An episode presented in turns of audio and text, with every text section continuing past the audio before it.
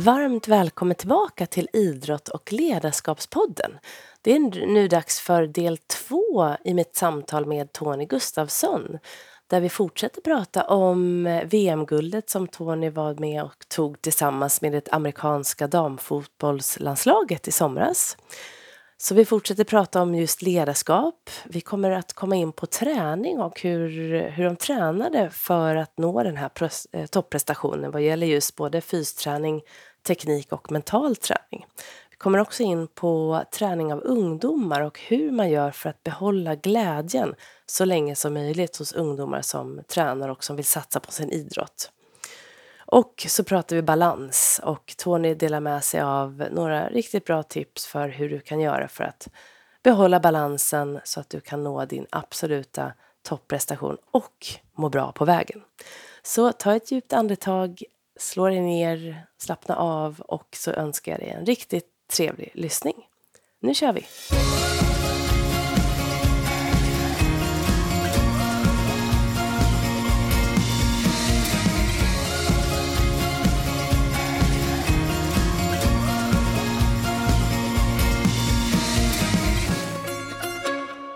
Hur, var det, hur är det att vara liksom, assisterande coach till en huvudtränare? Du har ju varit med två olika på den världsnivån. Eh, hur mycket eh, involverad är man som det, assisterande coach? Det beror helt och hållet på vilket, vilket tränarteam man har, vilken roll man har. så att mm. säga. Det, det, som är viktigt när man, när man bygger ett team det är att du vill gärna ha människor som, som har kompletterande egenskaper så att vi som team blir komplett. Mm. Eh, jag tycker Jürgen Klopp uttryckte det oerhört bra i en intervju här. Han sa att det är omöjligt för mig att vara expert på alla områden. Men jag hoppas jag kan, att jag kan vara expert på att omge mig med experter. Just det. det vill säga, hans viktigaste uppgift som tränare är att se till att plocka in expertis inom områden där han själv känner att han är begränsad. Mm. Så att han kan få ut maximalt av sig själv. Eh, och då blir liksom teamet bättre. Eh, och där har jag bara varit tacksam och glad att, att de som har varit huvudtränare har, har bedömt att jag har haft en kompetens som kan, jag kompletterar eh, det här ledarteamet och, och, och, gör det komplett. Men jag har haft väldigt, väldigt många olika ansvarsområden och allt ifrån att jag har varit ansvarig för backlinjen och försvarsspel i sista tredjedelen till att jag har varit ansvarig för fasta situationer till att jag har jobbat med enkom yttermittfältare och forwards, försvarsspel, anfallsspel till nu senaste VM då jag kanske hade det största ansvarsområdet om man säger under mina år i USA då jag jobbade med träningsmetodik och träningsplanering. Jag jobbade med anfallsspelet från målvakt och hela vägen fram. Eh, och jag jobbade med fasta situationer offensivt. Mm. Eh, så det var ett större ansvar de sista två åren än vad jag haft tidigare. Vilket gjort att arbetsbördan var väldigt, väldigt hård och väldigt tuff. Mm. Eh, men samtidigt så, så har det också varit väldigt, väldigt roligt för att man har ju haft en, en, en stor påverkan på, på det här lagbygget. Vilket har varit jäkligt kul. Ja. Fantastiskt. Och du var ju som sagt ansvarig för träningsmetodiken och, trän och vi pratade ju lite om det här tidigare när vi spelade golf här i mm. somras. Mm. Om vad ni hade ändrat lite grann i just hur laget tränade. Att ni gick från kanske lite mer kvantitet till att ses kanske lite färre gånger med att verkligen träna mer med kvalitet. Mm. Hur, hur ändrades den träningsmetodiken? Um det var en, en, en, par saker vi gjorde apropå ändra vanans makt och det kan vara lite svårt. Det var lite gungfly och lite irritation och, och lite jobbigt för dem ett tag när vi gjorde de här ändringarna. Ja. Men, men äh, återigen då tacksam för att de har förtroende för, för det man gör som ledare. En sak som vi gjorde var till exempel om man kör en avslutsövning. Istället för att köra 40 skott lite slentrianmässigt och lite halvdant så kanske 20 skott men varenda jävla skott, ursäkta nu svär jag igen, jag sa jag skulle svära när jag blev passionerad. Okay. eh, varenda skott räknas som mm. att det är det enda skottet vi får i en VM-final. Att det är 100% ja. fokus i det vi gör. Eller om man kör ett, ett eh, 11 mot 11 spel så kanske man inte kör i, i, i 20 minuter med halvdant tempo utan man ibland kortar ner intensiteten och, eller tiden och ökar intensiteten och spelar 10 minuter men de 10 minuterna är liksom eh, högsta möjliga intensitet varenda minut. Sen har vi varit jättenoga i samarbete med, med vårt fysteam och medicinska team att vi har haft en periodisering. När kör vi tuffa träningar?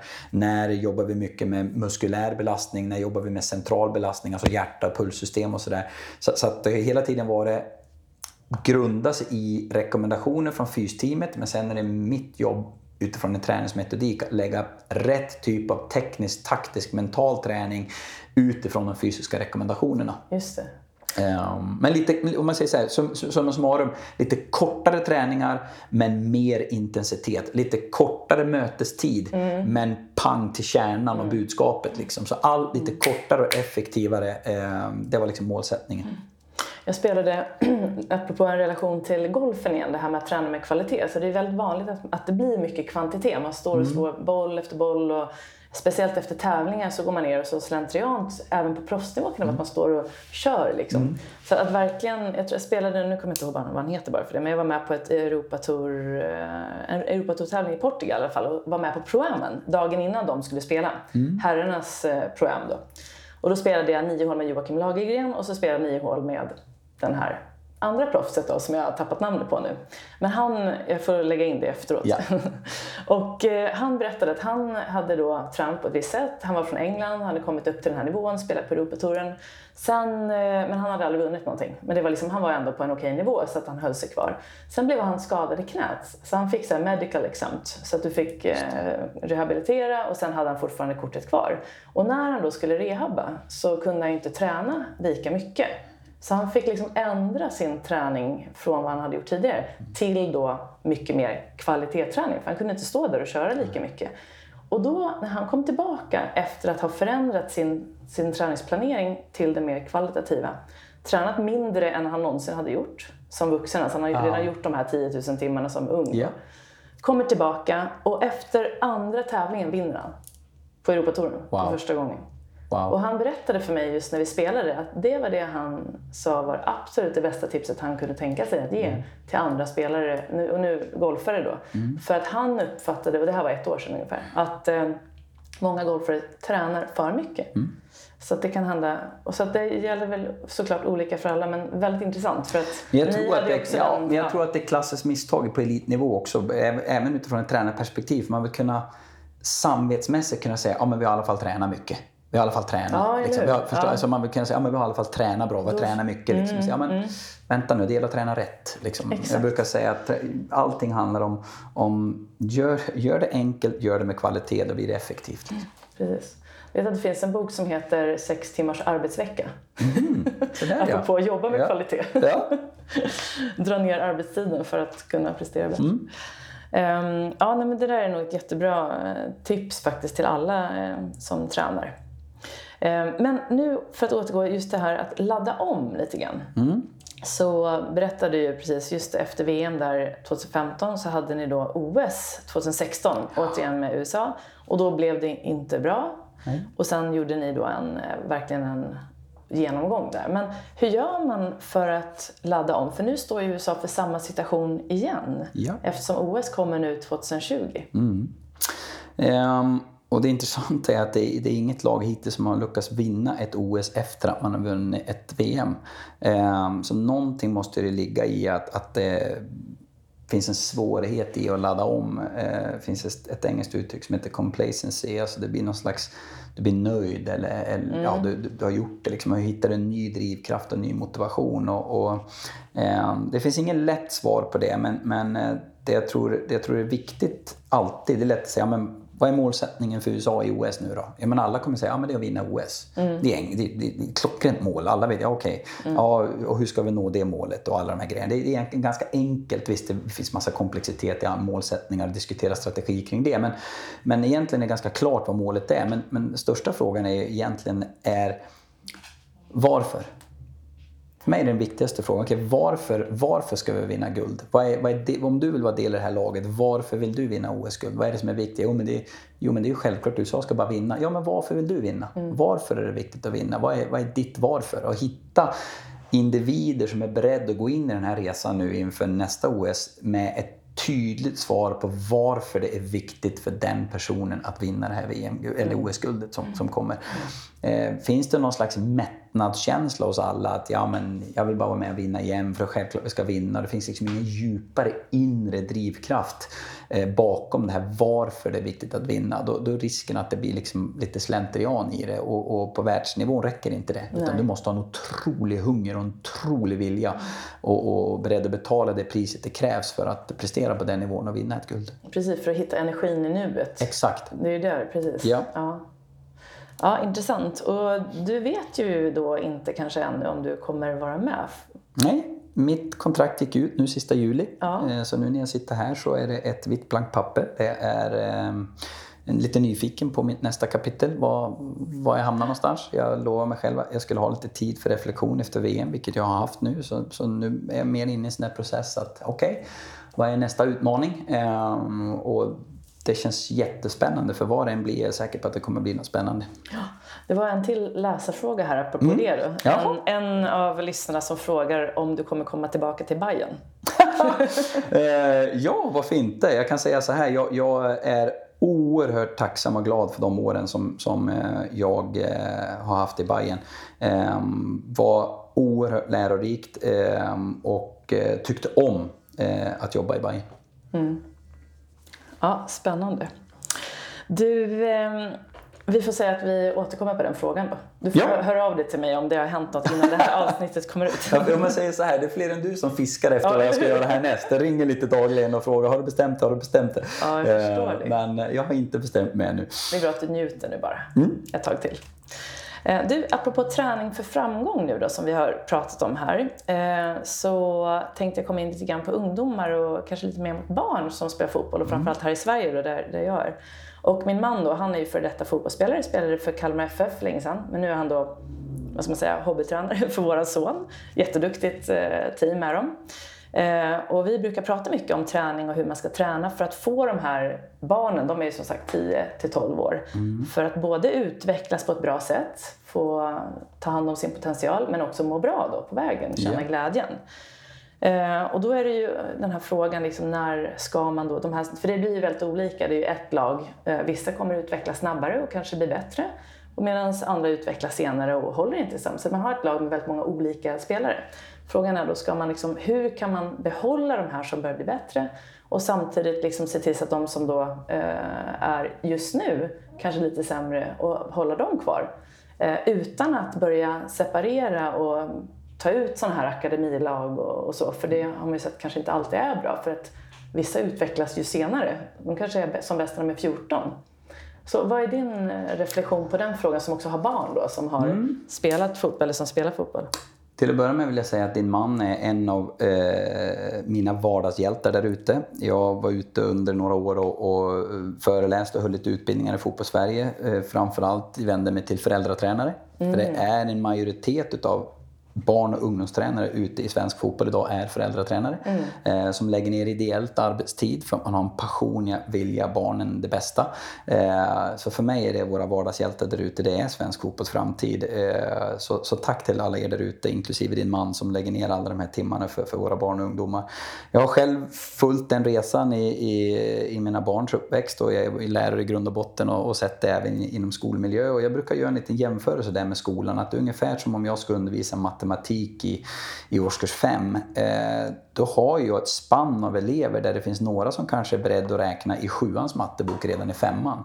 Men det är några som ligger kvar på treans mattebok. Och hur kan jag som mattelärare nå hela spannet? Både de grupperna ytterligheter men också den här mittengruppen som befinner sig just i årskurs 5 mattebok. Och det är en utmaning, speciellt om man är en pedagog på en stor grupp barn. Eh, Så det är klart att det är bra om man kan vara fler tränare eh, på en grupp. Eh, Jättebra. Sen finns det ett ord där många pratar om att det är viktigt att nivåanpassa. Man pratar om nivåanpassa. Jag brukar använda ett annat ord som jag tycker klingar lite bättre. Jag brukar prata om att utvecklingsanpassa.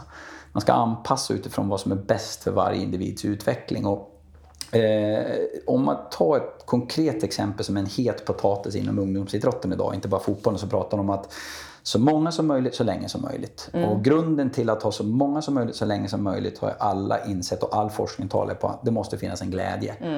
Eh, men då ska man grotta sig lite djupare i det där ordet tycker jag. Vad är glädje då?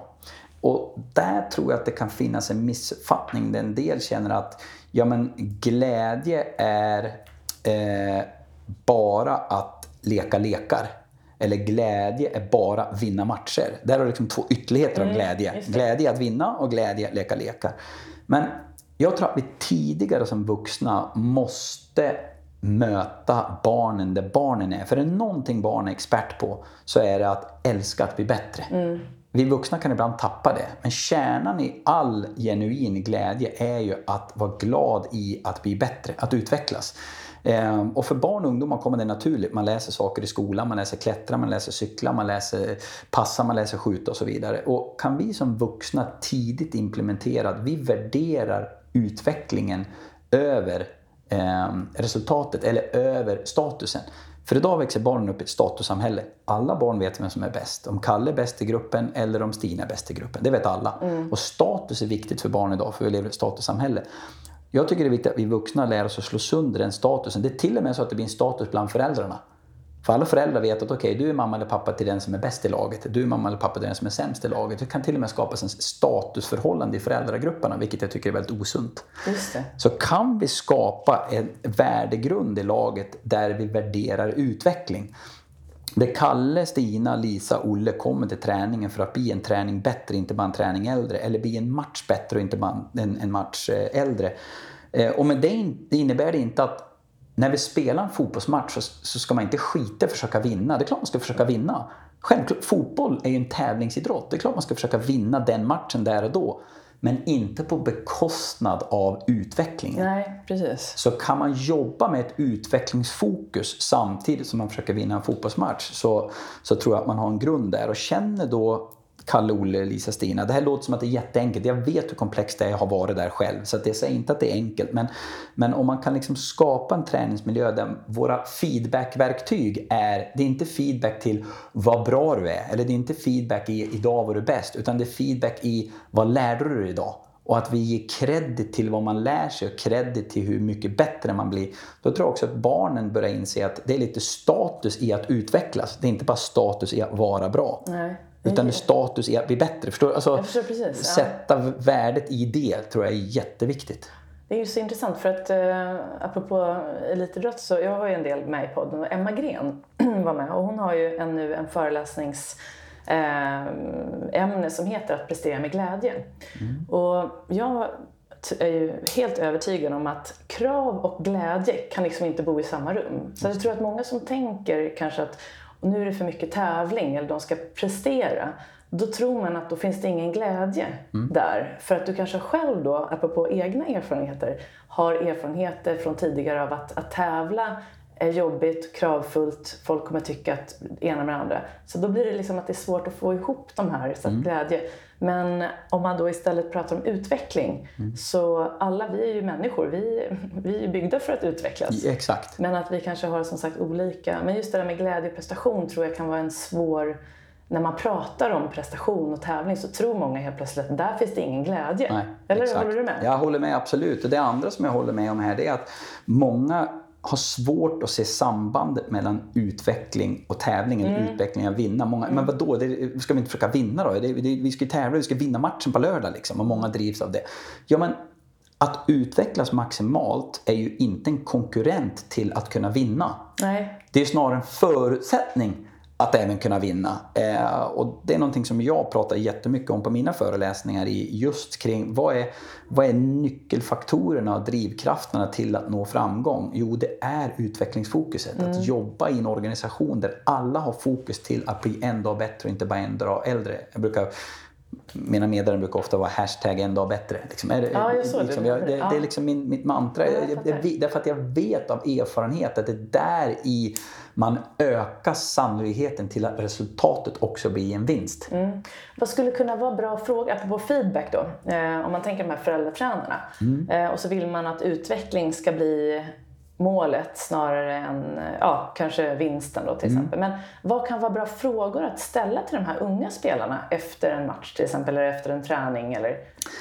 För mig är ju sån här, den här no-no-frågan och som vi alla ställer och som jag har ställt också i väldigt många år. Den första frågan vi vuxna ställer till barn är hur gick det? Just det. Vad tror du barn tror att vi syftar på när vi frågar hur gick det?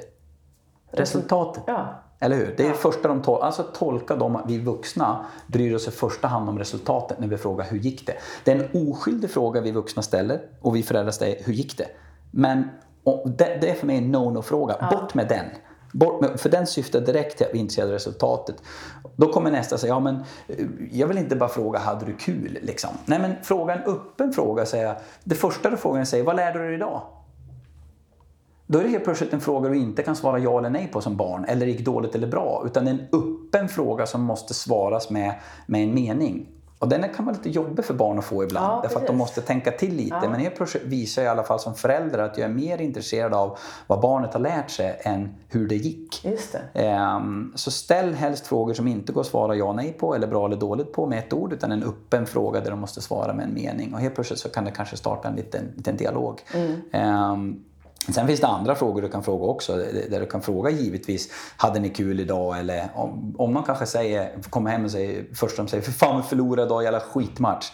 Jag säger, ha, ja men lärde ni något av det då? Mm. Och så visar man ett intresse i vad de lärde sig. Och just där och då kanske de inte är mottagliga av det, för vi vet hur det är med vinnarskallar och barn. De ja, kanske är skitsura och det är inte läge att, att ta den dialogen där och då. Men, men, och jag vill vara tydlig med att säga nu att jag vet för alla där ute alla föräldrar och alla ungdomstränare hur jobbigt och svårt det här kan vara. Det låter som att jag sitter här och har alla svar på allting. Jag vet hur komplext och svårt det är. Men jag tror att vi i alla fall måste försöka vända fokuset som vuxen mot att vi har en passion och ett intresse på hur barnet utvecklas.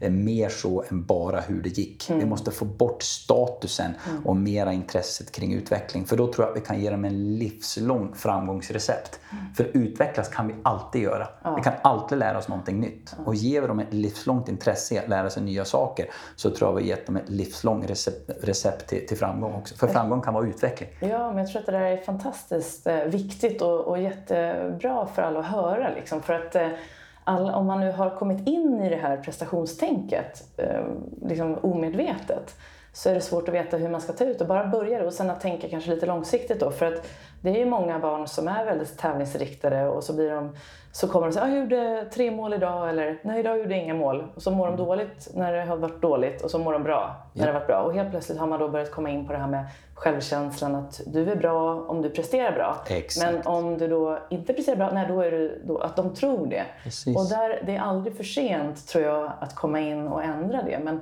och att vara medveten som förälder som sagt att hjälpa barnet så att självkänslan kan stärkas. För då är det lättare med självförtroendet och att allting. Och det är också en av grunderna i mental träning, om man nu jobbar med mental träning. Mm. Avspänning och självkänsla. Ja, jätteintressant. Så apropå mental träning då. Jo. Så hoppar jag tillbaka nu faktiskt till amerikanska landslaget igen. Ja. För vi pratade lite om det, för jag var ju nyfiken på så här, jobbade ni med mental träning och hur jobbade ni med det mm. inför VM? Och yes. då nämnde du liksom några eh, ja, situationer som ni hade med just en sportpsykolog, tror jag mm, Som är typ en mental tränare. Till att börja med kan man säga att, att, att innan jag kommer in på att svara specifikt på det så, så, kan jag säga att man, för mig så är det, men, mental träning är ju integrerat i vardagen alltid enligt mig. Om det nu är så att du kör en smålagsspelsturnering där du tävlar i, i och nu pratar jag elitmiljö här med landslag, så, så har du någonstans en, en, en inbyggd mental träning i din vardag där vi just nu tränar på att hantera känslokontroll och tävlingsinstinkt till exempel. Um, så att det är liksom inbyggt i vardagen alltid och, och, och, som tränarstab så är det viktigt att ha en insikt i, okej, okay, har vi, vi pratar om Klopp, att omge sig med experter. Har vi en expert i den här staben på eh, fysisk belastning och periodisering i träning? Ja, det har vi. Har vi någon i den här staben som är expert på, på det mentala?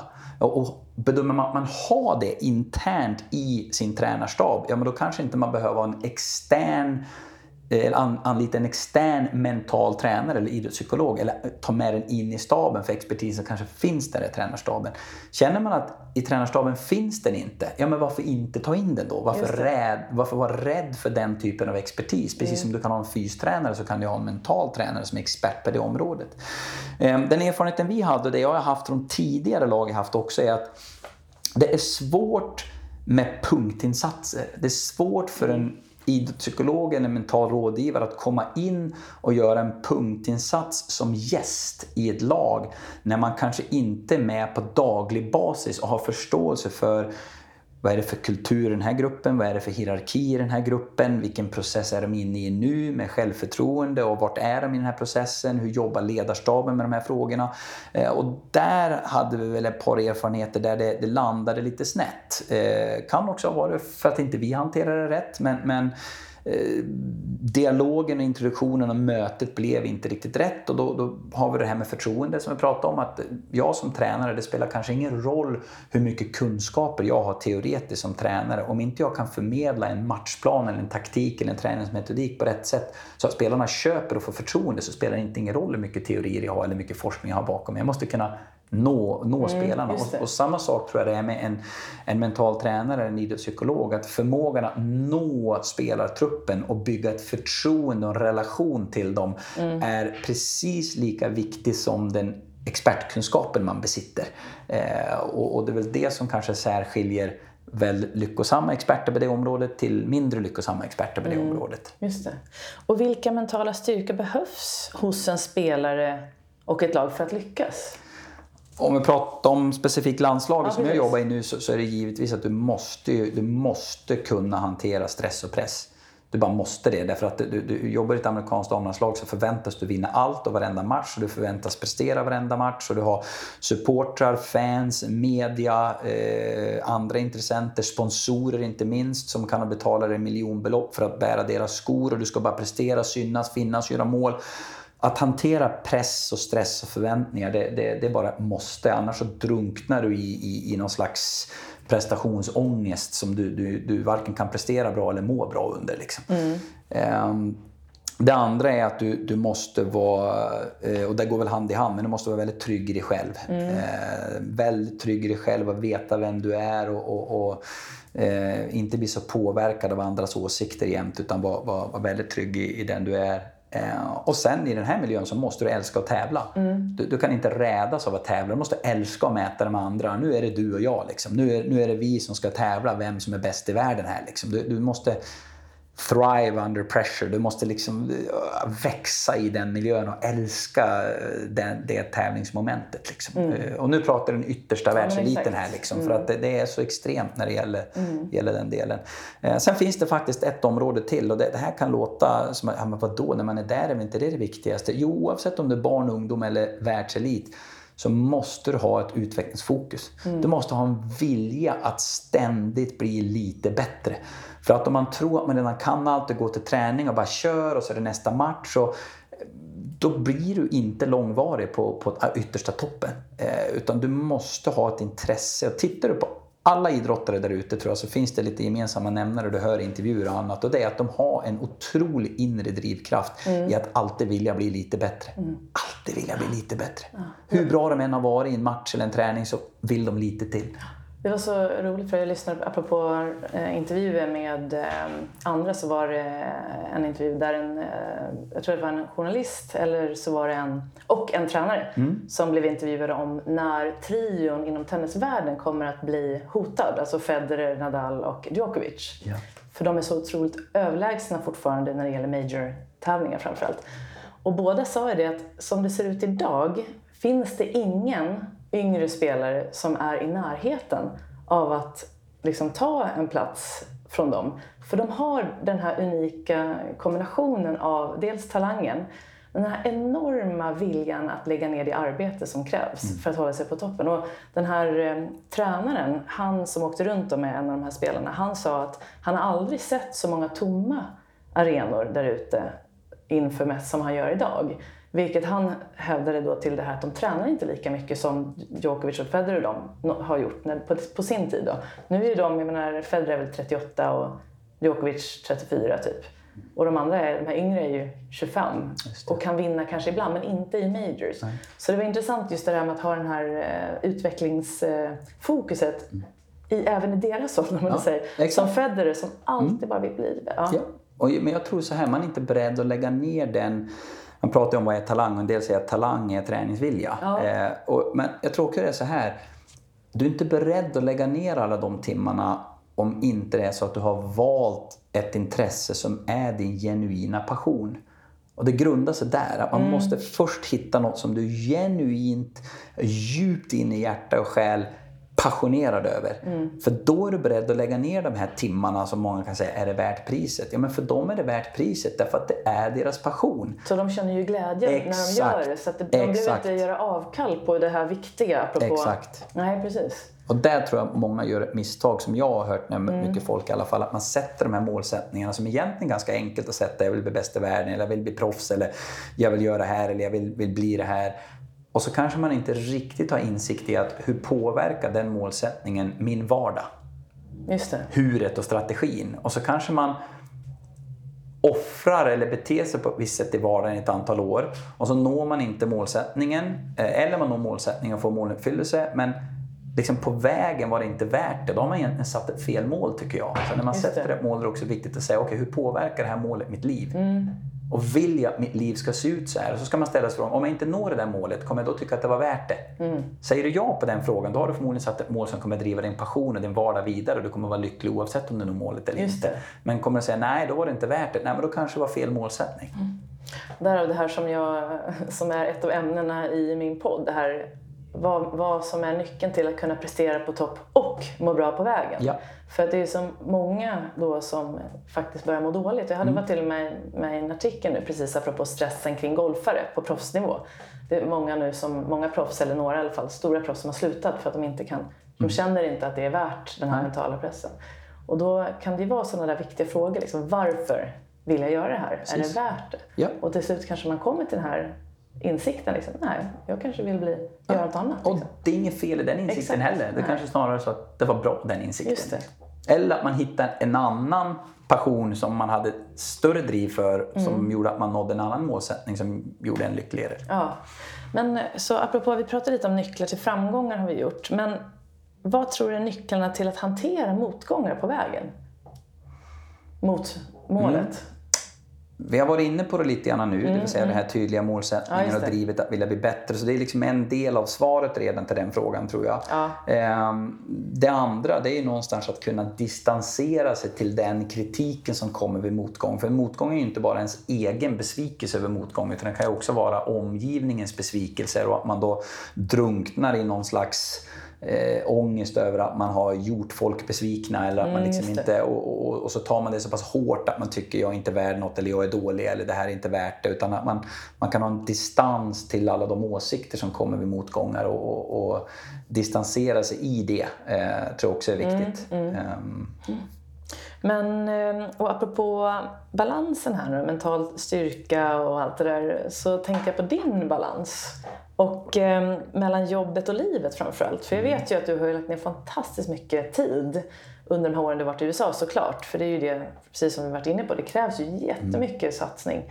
Och framförallt från dig då, som är liksom tränaren. Och jag vet att jag läste att de här spelarna i, det- i laget, amerikanska landslaget, verkligen sa det att nu var det ju skönt för nu kommer Tony kunna få träffa sin familj mer och kunna få återhämta sig. Så de var så glada för att de inte hade liksom påverkat ditt eh, familjeliv för mycket. Ni är fortfarande gifta och sådär. Jag får ju tack, tacka för omtanken, eh, att spelarna bryr sig om min hälsa också. Ja. Eh, men det är klart att de har sett hur, hur, hur fanatiskt hårt vi jobbar, vi ledare. Men spelarna jobbar också fanatiskt hårt på sitt sätt. Så att säga. Men som ledare blir många timmar utanför med planering och annat och sådär. Mm. Ja, men samtidigt är det så här, jag skulle inte tycka det var värt om inte det var min passion. Nej. För mig är det ju ingen, uppoffring på det sättet, utan jag får göra det jag brinner för. Mm. Liksom att sitta där och designa en fast situation, en variant i, i halva natten eller att, att diskutera laguttagningar eller matchplan inför en VM-final och sådär. Då behöver man inte så många timmars sömn för att kunna vara engagerad dagen efter. Men Mm.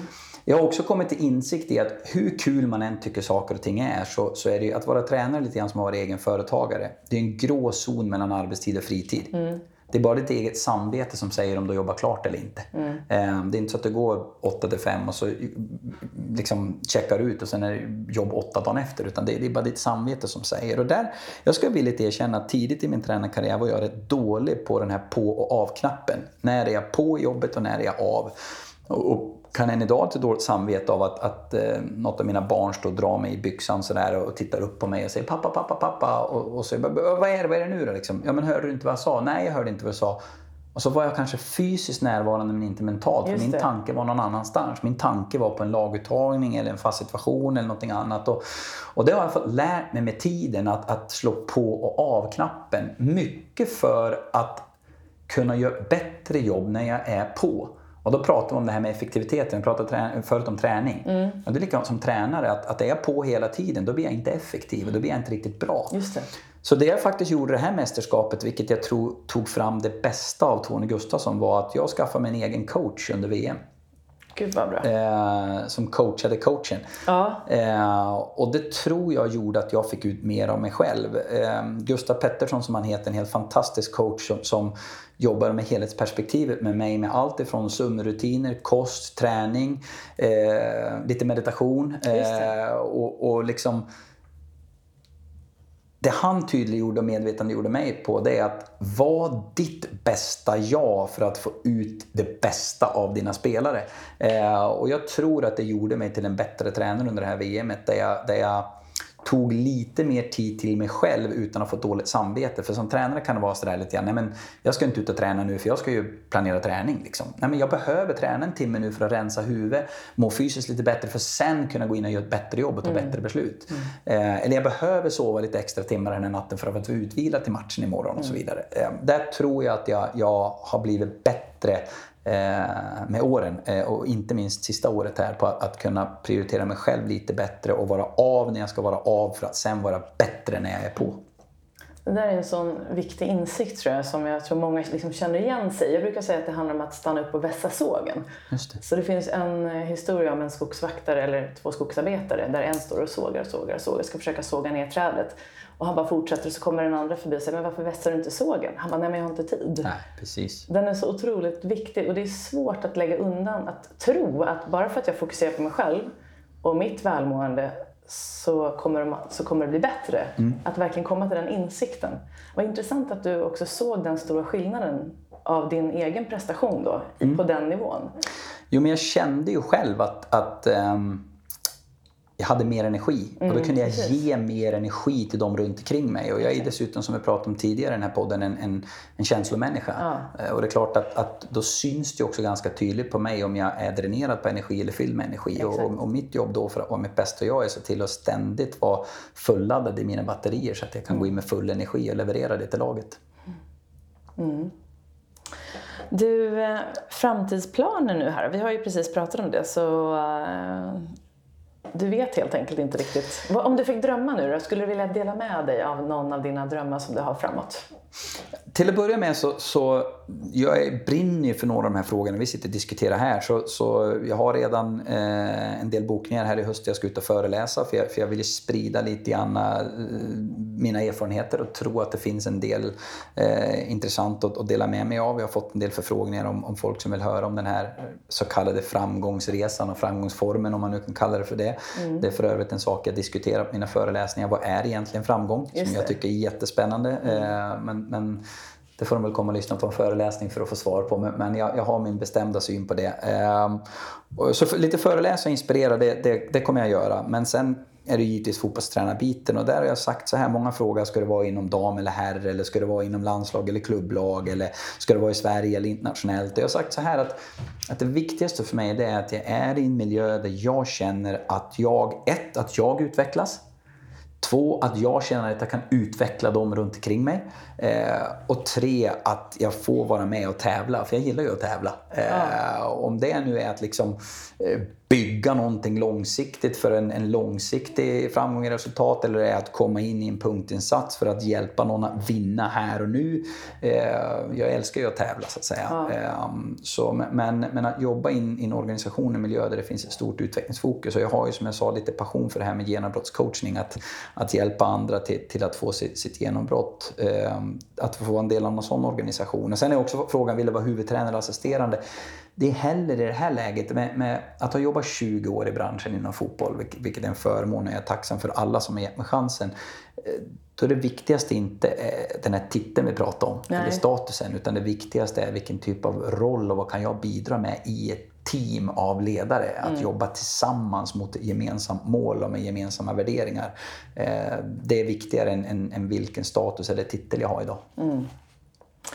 Och jag brukar avsluta den här eh, podden med att fråga då eh, om eh, tre saker. Om du fick välja tre saker nu eh, och säga till de som lyssnar att, eh, som de ska tänka på vad gäller att nå sina mål eller det här med att prestera på topp och må bra på vägen. Vad skulle du säga om du skulle sammanfatta? Ja, det blir ju min, min käpphäst där som jag har sagt att liksom hashtag en dag bättre. Att, att ha en grundinställning till att alltid vilja bli en dag bättre. Och då har jag ibland fått någon som har bollat tillbaka, men vad då ska jag inte älska där jag är idag då? Ska jag inte älska mig själv och vara nöjd hur jag är? Jo, självklart. Men det är ingen motsägelse till att vilja lära sig nya Nej, saker. det. Och det finns i vårt biologiska DNA, hos mänskligheten och människan, i glädjen att vilja bli bättre. För vi har utvecklats genom årtusenden. Och titta på barn som har det här genuina intresset att vilja lära sig saker. Och vi, när vi blir vuxna så tenderar vi lite grann att tro att vanans makt är våran, våran trygghet och våran glädje. Och så där. Men i själva verket så blir vi faktiskt glada när vi lär oss nya saker. Sen om det är att utvecklas inom sitt yrkesgenre eller om det är att lära sig spela gitarr eller bli bättre på golf eller lära sig spela ett instrument eller vad det nu kan vara. Eller bättre säljsamtal på telefon eller slå en bättre bredsida eller bli bättre i putta korta puttar. You name it. Men att hitta liksom små saker i vardagen, att alltid vilja bli lite bättre. Det tror jag liksom är grunden till det. Och sen underrubriken till den överrubriken blir tre käpphästar som jag har. Det ena det är passion. Jag kallar det för passionen, det jag kallar det för motivation, inre drivkraft, grit, you know, alltså, det finns massa olika namn för det. Jag kallar det för passion. Att du måste hitta ett område där du har en genuin passion och intresse för. Liksom. Två, det måste finnas en portion kärlek. Eh, och då kan en del säga, vadå kärlek? Vi ska inte gå och bli kär på jobbet? Eller kär? Nej, men med kärlek menar jag alltså att du måste ha en kärlek till det du gör. En, en, en genuin kärlek och älska det du gör och det, de du gör det med. Att det finns liksom en, en, en, genuin känslomässig koppling till, till det man gör. För annars har du inte den där långsiktigheten du pratar om med tennisspelarna mm. som ner de där timmarna. Sådär. Ehm, och sen det tredje, det är glädjen. Så liksom passion, kärlek och glädjen. Och glädjen, det är inte bara det här att nu ska vi leka lekar och ha kul, eller glädjen i att vinna. Utan den genuina glädjen i att känna glädje att bli bättre till exempel. Eller glädjen i att det är kul, det är kul idag och det är okej okay att skratta. För vi lever i ett samhälle idag där det nästan är att Nej men sluta skratta nu, nu kommer chefen. Just det. Som att det är fult att ha kul. Alltså det, det är okej okay att skratta, det är okej okay att vara glad, det är okej okay att ha en positiv energi. Det brukar jag säga att alla vi, nu ska jag avsluta med en av mina absoluta käpphästar. Jag brukar prata om vi har en karaktärspistol allihopa, the character gun, ursäkta engelska uttrycket där, men jag jobbar i, med engelska i fem år. Så, mm. så antingen kan du skjuta skuld eller skjuta mot guld.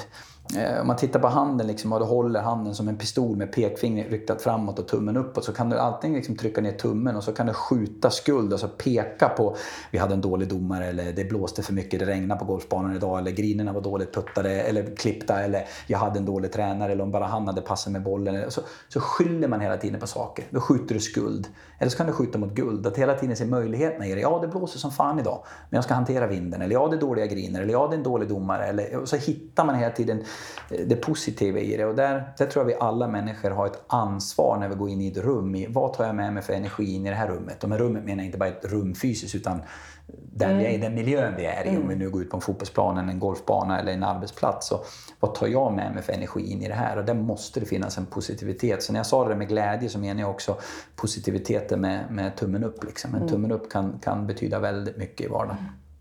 Mm. Det har kanske varit mycket men, men rubriken Nej. var en dag bättre och sen har du tre käpphästar. Passion, kärlek och glädje. Det, det, där har du några av mina käpphästar. Ja, fantastiskt. Supertydligt, jätteinspirerande och motiverande. Um, vi har kommit till, det var min sista fråga för den här gången. Oh! Ja. Så är det någonting som du själv vill tillägga innan vi avslutar? Nej, eh, tack för eh, möjligheten att få prata om det man, eh, det man brinner för och tack för de anekdoterna du berättade om också. Jätteintressant. Tack. Ja, jag är så tacksam att du kom hit och verkligen, jag vet, och jag fångade dig en bra tid här nu när mm. du inte är för busy. Yes. så det ska bli jätteintressant och spännande att följa liksom, din resa framåt. Men om man nu vill kanske gå på någon av dina föreläsningar eller följa dig, vart kan man gå då? Ehm, jag kör inte så många öppna föreläsningar utan det blir bokningar och, och eh, än så länge så eh, är det bokningar via föreläsningsförmedlingar om inte det är så att man kan få ta på mitt nummer på något annat sätt. Ja. Ehm, men jag kommer jättegärna ut och inspirera oavsett miljö för att jag tror att de här processerna som vi pratar om nu i första hand har att göra med människor och i andra hand den branschspecifika mm. kunskapen. Mm. Det spelar ingen roll om det är snickare eller säljare, eller IT-tekniker eller fotbollsspelare eller golfare. Det är, det är människor i första hand. Så jag kommer gärna ut och inspirera om någon tror jag kan bidra till, till lite positiv energi där ute. Mm, det kommer du verkligen. Tack så jättemycket för att du var med och eh, varmt lycka till med allt framöver. Tack så jättemycket. Tack.